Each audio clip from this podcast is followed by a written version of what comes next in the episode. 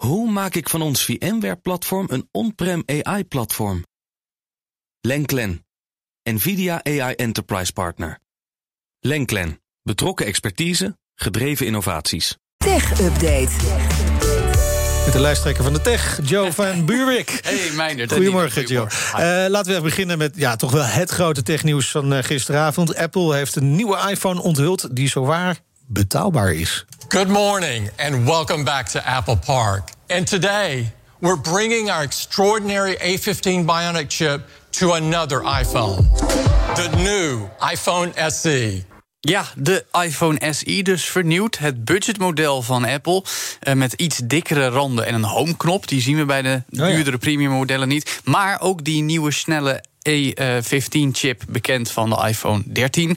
Dus uh, qua rekenkracht uh, is hij weer helemaal up-to-date. Ook ondersteuning van 5G. Kijk, dat is wel belangrijk. Precies, ook 2022 zeker essentieel. De camera is dan natuurlijk wel weer iets eenvoudiger dan de gewone iPhone 13 en de varianten daarop. Maar je betaalt er dan ook een stuk minder voor. 530 euro voor de nieuwe SI. En vanaf 18 maart wordt die dan geleverd. Nou, dat is wel interessant. Uh, maar dit werd ook wel een beetje verwacht natuurlijk. Hè? Ja. Die iPhone SI had Apple ook nog echt nieuws? Zeker. Uh, de Mac Studio bijvoorbeeld. Uh, die lijkt heel erg op de Mac Mini, maar is voorzien van de M1 Max chip. Of zelfs de M1 Ultra. Die is Zo. nog sterker. Dat zijn eigenlijk twee M1-chips. Dus die chips van Apple zelf bij elkaar. Uh, en daarmee is het volgens Apple de snelste thuiscomputer ooit gebouwd. Maar daar reken je dan wel vanaf. Want het instapmodel begint bij, hou je vast, 2329 euro. Hallo. Voor een klein kastje, zou ja. ik maar zeggen. Uh, dat is nog exclusief de monitor. De Studio Display heeft ook een eigen chip. Kost uh, 1779 euro. Dan hebben we nog de iPad. Die is vernieuwd met de M1-chip ook. En is daarmee gelijk aan de iPad Pro. iPad Air moet ik trouwens zeggen, die is dus vernieuwd. En dan ook nog de HomePod mini-luidsprekers. Dat zijn die smart speakers ja. van Apple. Die uh, heeft sinds kort ook ondersteuning voor het Nederlands. Oh. En daarmee konden we al verwachten dat die ook naar ons land gaat komen. Welke stem zit daarop? Weet u dat? Uh, nee, dat weet ik even. Nee, niet Bas. Nee, dat niet. Nee, nee. Maar ze, ze hadden jou gebeld, toch? Ja, uiteraard. Maar ze boden te weinig. Ja, Veel te weinig. Ik snap ja. ook waarom. Ja.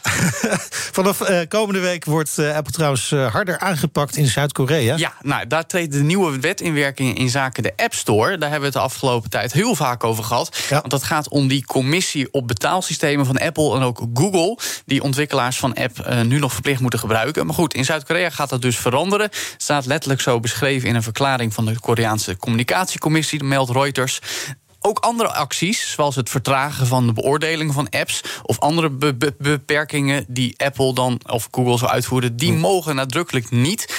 Dat, dat, zien we nu in Nederland gebeuren als het gaat om dating-apps zoals Tinder. Daar strijdt onze autoriteit Consumentenmarkt tegen met allemaal boetes tegen Apple, maar die zetten geen zoden aan de dijk, want dat is 5 miljoen euro per week. Dat is een schijntje. Um, en als de bedrijven zich daar niet aan houden in Zuid-Korea, kunnen ze een boete verwachten van 2% van een gemiddelde jaarlijkse omzet uit verwante bedrijfsactiviteiten. Dus ja. dat zou iets meer zo aan de dijk. Ja. Gisteren nog muziek geluisterd, ja, joh, podcastje. was hij weg. Bam. Oh jee, ja. Spotify. Ja, jullie, ja. jullie, ook, neem ik aan. Nou ja, zeker. Er was inderdaad een uh, probleem met de verbinding van Spotify. Mensen konden niet inloggen, afspelen van content lukte niet goed. Ook communicatieplatform Discord had trouwens last van een storing. Er werd gespeculeerd, uiteraard, over een cyberaanval. Ja. Ook gezien het feit dat Spotify stappen heeft ondernomen tegen Rusland. Het kantoor daar gesloten heeft. Maar uiteindelijk bleek het een storing bij de Google Cloud-diensten. waar gebruik van wordt gemaakt door Spotify. Oh. En binnen een uurtje of twee, rond kwart voor negen gisteravond, was het ook weer. Vol. Gelukkig maar. Niet aan de hand. Nee, dankjewel, Joe van Buurik. De BNR Tech Update wordt mede mogelijk gemaakt door Lenklen. Lenklen. Betrokken expertise, gedreven resultaten. Hoe maak ik van ons VMware-platform een on-prem AI-platform? Lenklen, NVIDIA AI Enterprise Partner. Lenklen, betrokken expertise, gedreven innovaties.